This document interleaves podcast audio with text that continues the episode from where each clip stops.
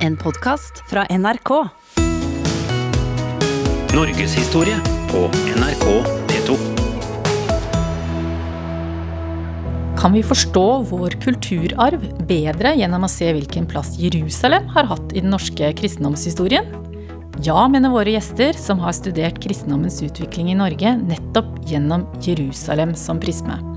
Velkommen til Norgeshistorie, Kristin B. Aavitsland, Eivor Andersen Oftestad og Ragnhild Jonsrud Sørgati. Tusen takk. Dere tre er redaktører for et stort bokverk hvor Jerusalem er forstått som en kode for kristne kulturer i Skandinavia. Kristin Aavitsland, du er professor i middelalderstudier ved MF vitenskapelig høgskole, og har ledet dette dyptpløyende prosjektet som strekker seg fra 1100-tallet til 1900-tallet. La oss ta dette fra begynnelsen. Hva slags kristendom og kristen kultur ble innført i Norge på denne tiden? Eh, kristningen eh, i Norge er en lang prosess, men eh, den eh, skyter særlig fart, kan vi si, eh, i, på 1100-tallet, hvor eh, kirken organiseres og finner sin form, kan man kanskje si. Det bygges masse kirkebygg, og ikke minst så begynner man å skrive bøker i Norge. Og fortelle om sin egen historie. Og da forstår nordmennene seg, eller i hvert fall de av nordmennene som skriver bøker, de forstår nordmennenes historie og seg selv og sin plassering i verden i forhold til Jerusalem, som var sentrum i middelalderens verden. Hvis man ser på verdenskart fra 1100- og 1200-tallet, så vil man se at Jerusalem er det absolutte sentrum. Og da kirken etablerte seg, og den kristne kulturen fikk ordentlig fotfeste i Norge, på, altså på 1100-tallet, så var Jerusalem for en kort periode faktisk også styrt av kristne fra Vest-Europa. Fra Frankrike særlig. Som hadde erobret byen fra muslimsk herredømme ved første korstog i 1099. Og det er interessant og viktig, tror vi, at denne betydningen, den politiske betydningen av Jerusalem på 1100-tallet er så sterk, akkurat parallelt med at kirken blir sterk og organisert i Norge. Hvordan kom Jerusalem til uttrykk materielt på denne tiden, i kirkebygg og relikvier og andre ting? Ja, det som var veldig viktig for kirken i Norge, var å knytte seg til dette sentrum, Jerusalem, verdens sentrum, på helt konkrete måter, f.eks. gjennom relikvier. Gjennom fysisk, fysiske ting som ble brakt fra Jerusalem til Norge, og som var på en måte noen slags helt konkrete vitnesbyrd om den eh, historien, den kristne, de kristne begivenhetene som hadde, hadde funnet sted der. For eksempel når eh, Sigurd Jorsalfar, norske kongen, eh, reiser til Jerusalem som den første, første europeiske statsoverhode, det kan man kanskje si, som besøker dette nyopprettede korsfarerkongedømmet i Jerusalem, så mottar han i gave fra eh, kong Baldvin av Jerusalem en bit av eh, Kristi kors. Av som han tar med seg hjem? Som han får eh, av, av, kongen mot at han skal ta den med seg hjem, og den skal anbringes på det viktigste stedet i, den, i Norge, nemlig ved Hellig Olavs grav i Nidaros. Det aller viktigste eksempelet er Nidarosdomen, som var det viktigste stedet i Norge i, middelalderen, fordi der var skrinet til Sankt Olav. Olavs altså lik, Olav, rett og slett. Olav, Olav den hellige. Ja. Denne kongen som fikk æren for å ha brakt kristendommen til Norge. Og han ble jo dyrket som en viktig helgen, og hans gravkirke i Trondheim den delen av Nidarosdomen som er helt, helt i enden av, av, kirken, og som er åttekantet, den har nøyaktig de samme målene som den samme type runde Eh, struktur som er over Jesu tomme grav i Jerusalem. Så det er en helt konkret eh, speiling, kan man si, en forbindelse mellom de to kirkene, som er veldig bevisst. Hvordan hentet de disse ideene? Altså, eh, Norge ligger jo over 500 mil fra Jerusalem, og her snakker vi da altså om eh, importert arkitektur. Mm. Ja, det er jo fordi eh, de som eh, altså kirkens folk i middelalderen, enten de var eh, biskoper eller munker eller Altså, de, de reiste mye. Og eh, kirken hadde et stort eh, internasjonalt nettverk. Eh, og ikke bare kirkens folk, men selvfølgelig også konger reiste. Sigurd Jordsalfarer, f.eks. Sigurd Jorsalfar.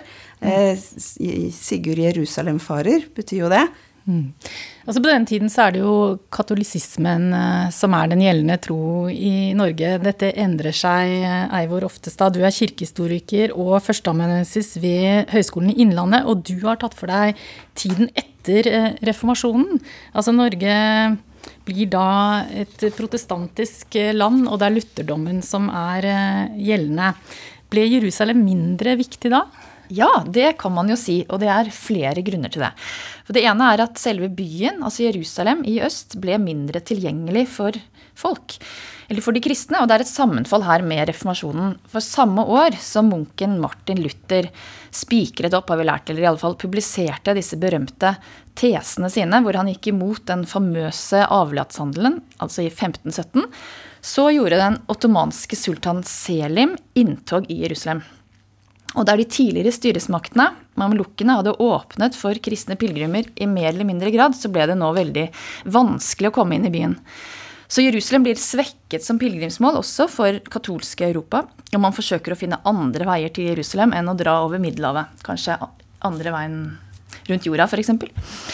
Eh, men for Luther og protestantene, eller lutheranerne, så handlet det ikke først og fremst om dårligere tilgjengelighet, men om at den sanne pilegrimsreisen, den gikk ikke over landjorda til en jordisk by, men den gikk eh, i sann tro. Den foregikk i sann tro i hjertet, i det indre. Så for Luther så var det ikke noe poeng å dra verken til Roma, Santiago eller Jerusalem eller Nidaros for den saks skyld på botsreise. For han så var dette ytre gjerninger. Og det var det noe han var imot, så var det at troen var ytre gjerninger. Hele poenget var at kristendommen ikke skulle basere seg på det ytre. Det var det han anklaget den katolske kirken for. Men at man skulle um, At hele livet, alt man gjorde, skulle være en bot. Og Martin Luther han hadde det med å bruke sterke bilder, og han sier at nei, Gud han er like lite opptatt av den hellige graven i Jerusalem som han var av alle kyrne i Sveits. Så her er det altså to ting som skjer. Det er at ja. muslimene overtar byen Jerusalem, så den er ikke tilgjengelig lenger. Ja, den blir mindre tilgjengelig. Det var jo muslimer før òg, men var, ja. de var mer åpne. Nå er det et da var det mulig å dra dit. Mm. ja. Og så er det eh, dette andre med, med Luther som ja. Eh, setter troen i sentrum, og da er alt materiell ja, ubetydelig, eller? Det materielle blir eh, mindre viktig. Altså det viktige er at eh, hvordan man mottar eller at evangeliet forkynnes eh, rent, og at det mottas på riktig måte i menigheten. Det Luther var opptatt av, det var altså en sann forkynnelse av Guds ord. Han ville ha bort alt det som var unødig, og alt det som kirken hadde lagt til. Og fra å være opptatt, at man var opptatt av hellige steder og relikvier og helgengraver og pave og presteskap, som et sånt medium, som det for, som formidlet Guds ord, og, eller Guds nåde og hellighet, så ble det ordet alene som Luther vektla. Guds ord skulle forkynnes klart og rent. Og den forestillingen den har også med Jerusalem å gjøre. For det handler om en forflytning. Hvordan ble Jerusalem viktig i Danmark-Norge, da? En måte som Jerusalem ble viktig på i Danmark-Norge, var ikke minst som et sånt pedagogisk eksempel Eh, det er særlig én tekst som er viktig her, nemlig oversettelsen av Josefus, den jødiske krig, altså en øyenvitneskildring fra da Jerusalem ble ødelagt i år 70 av romerne.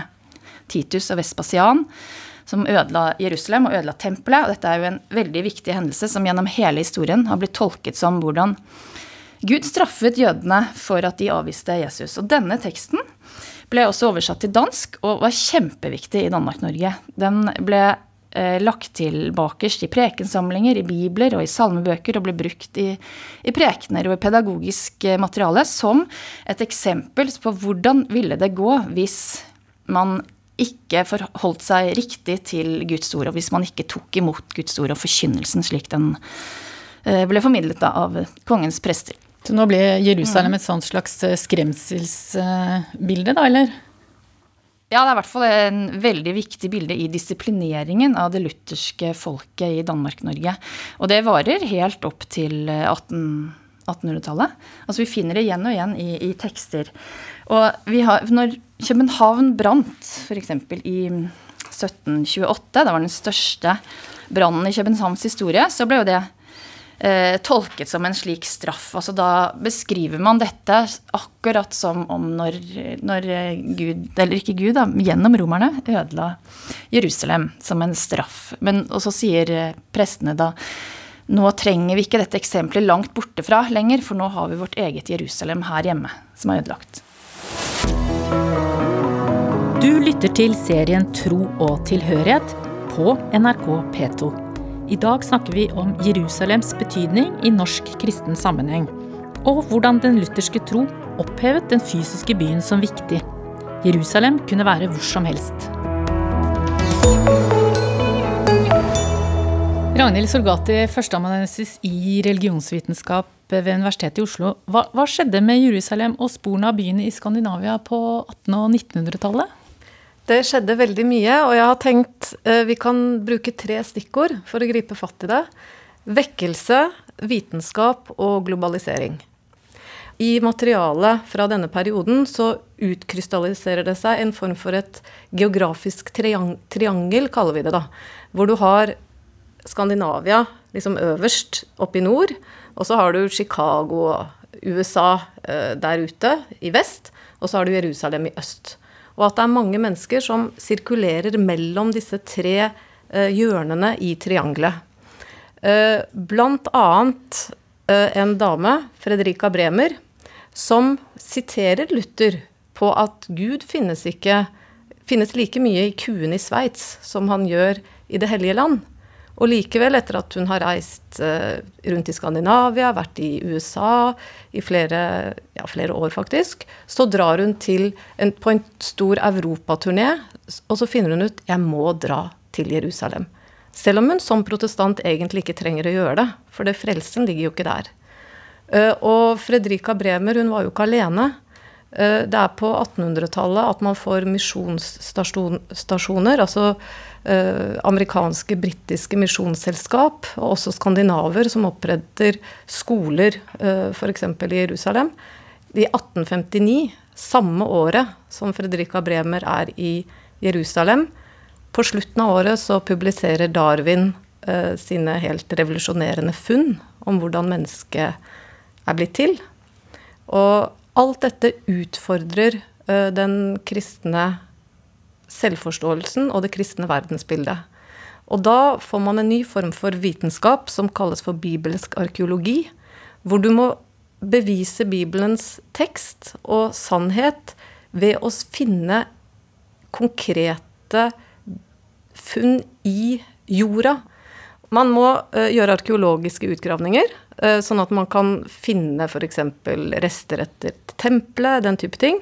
Men man driver også og gjør geografiske oppmålinger, så man måler hele landskapet. ikke sant? Finner ut hvor, hvor kan Jesus ha gått, hvordan var dette? Eh, så man tar de nye vitenskaper inn i bibelforskningen for å bevise Bibelens bokstav. Eh, og da er det en av våre forfattere som skriver om hvordan et nytt konsept, da, som hun på engelsk kaller for Bible Land, det blir Eh, det som etter hvert former den kristne forståelsen. Her i og, Norge?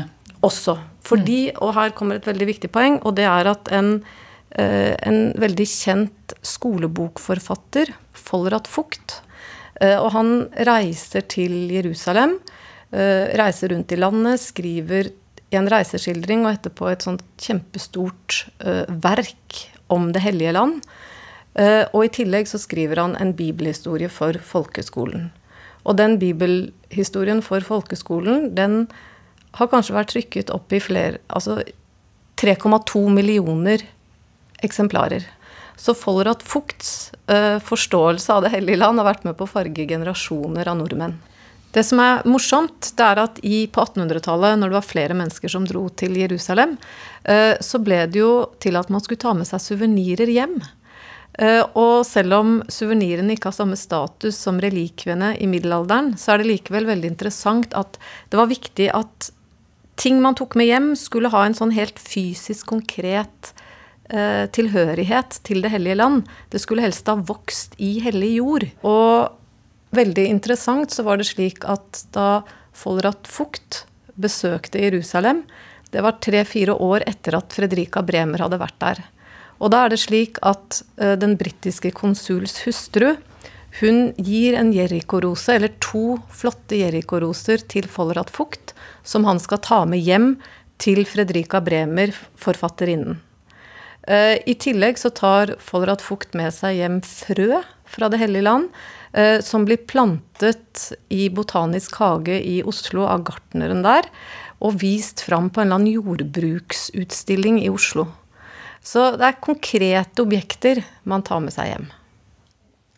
Dette prosjektet deres, eh, der har altså 60 forskere vært involvert. Og de kommer ikke bare fra Norge, de er eh, representert fra Europa, Midtøsten, Amerika, har jeg skjønt. Eh, men hva er det som gjør Skandinavia og Norge til et interessant case i Jerusalem-sammenheng?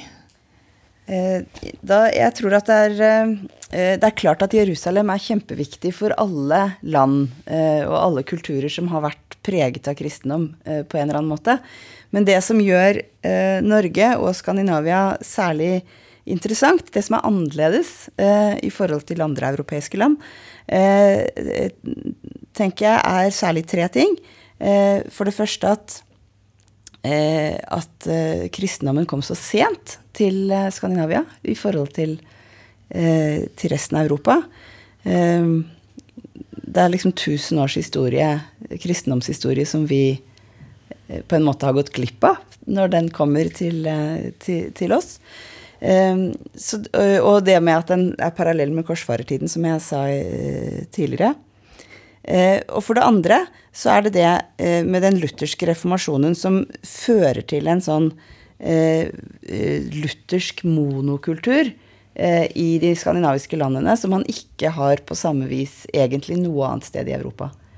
Nei, hva, eh, hva har man i Europa ellers? Nei, der er det jo, er det jo kalvinister og katolikker og sånn som innenfor eh, alle land, også Tyskland, som jo er det, det landet der reformasjonen startet. Der var det jo en stor katolsk befolkning. Eh, og Eh, og også, også, andre varianter av protestantisme da, som man ikke har her.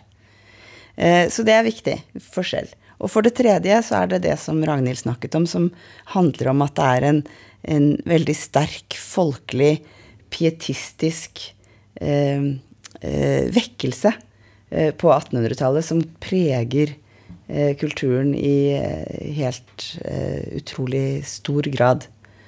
Eh, og i alle disse formene for kristendomskultur gjennom tusen år eh, spiller Jerusalem en stor rolle og er en konstant referanse, men innholdet forskyves litt, da. Og det er det vi har prøvd å undersøke i disse bøkene. Men hva betyr dette for oss i dag? jeg, jeg, tenker at uh, en interessant ting det er at vi, vi snakket litt, grann, eller mye i dette prosjektet uh, hvilke referanser har f.eks. norske skolebarn eh, til Jerusalem i dag? Altså, hvis de hører en salme hvor Jerusalem nevnes, eh, hva forbinder de med det? Eh, hva skjer med hele det referanserammen, da, en sånn type taus kunnskap som folk i Norge har hatt gjennom generasjoner. Fordi man har pugget salmevers og, og, alt dette her og lært bibelhistorien til Follerat Fugt. Når det plutselig ikke lenger er del av allmenndanningen, når kristendomsfaget i skolen blir et helt annen type fag, og Norge blir et flerkulturelt samfunn hvor store deler av befolkningen, i hvert fall 25 av, Oslos befolkning, kommer også andre steder fra. Eh, og mange har en annen tro.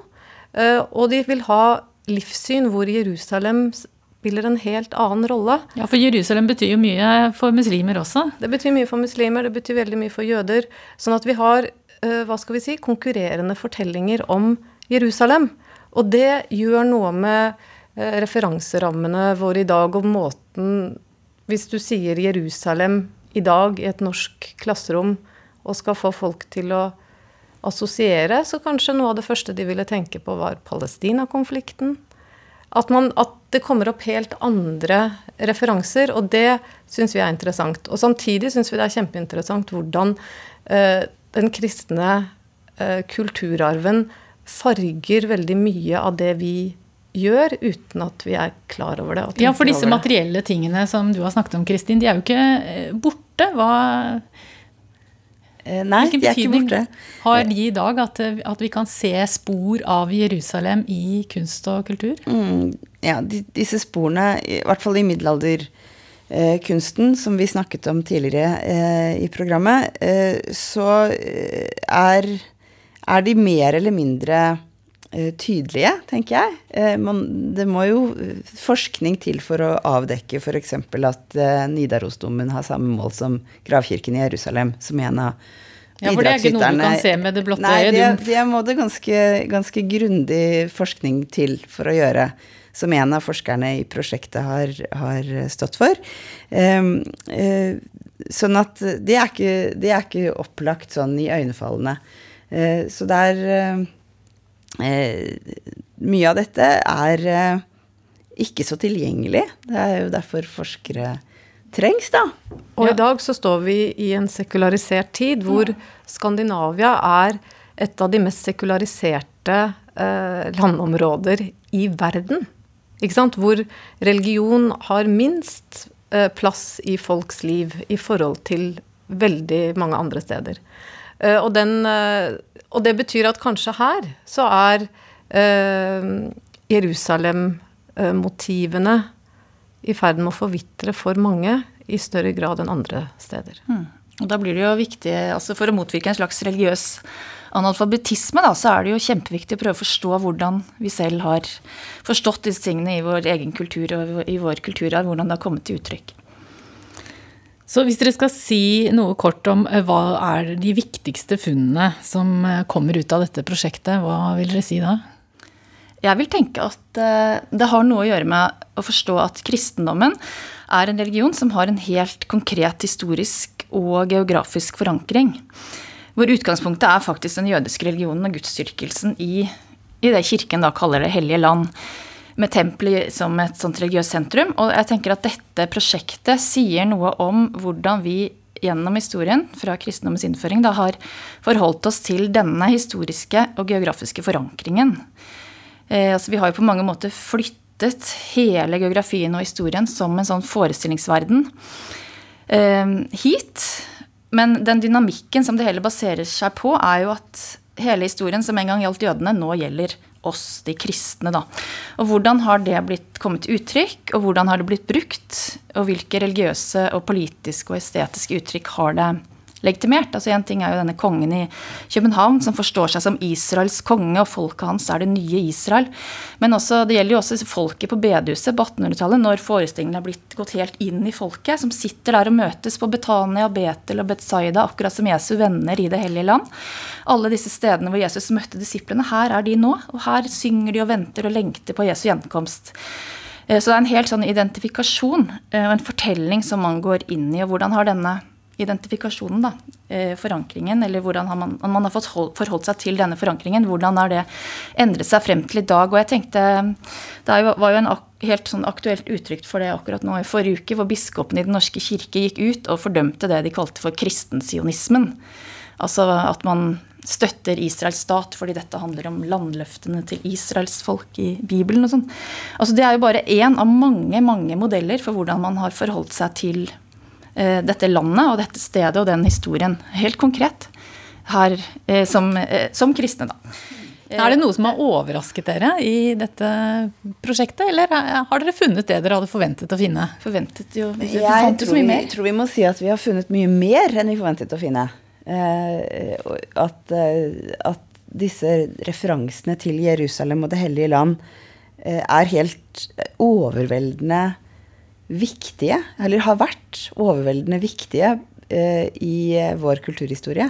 Og at vi har funnet dem på flere steder og i flere former enn vi hadde forventet. Det tror jeg vi må kunne si. At det ble veldig vanskelig, i hvert fall i den siste perioden, å avgrense materialet.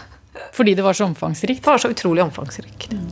Tusen takk for at dere kom til Norgeshistorie, Kristin B. Aavitsland, professor i middelalderstudier ved MF Vitenskapelig høgskole, Eivor Andersen Oftestad, kirkehistoriker og førsteamanuensis ved Høgskolen Innlandet, og Ragnhild Jonsrud Sorgati, førsteamanuensis i religionsvitenskap ved Universitetet i Oslo. Ansvarlig for dette programmet er Ane Bjølgerud Hansen.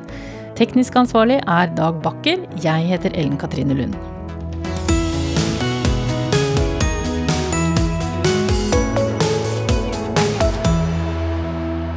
Du har hørt en podkast fra NRK. Hør flere podkaster og din favorittkanal i appen NRK Radio.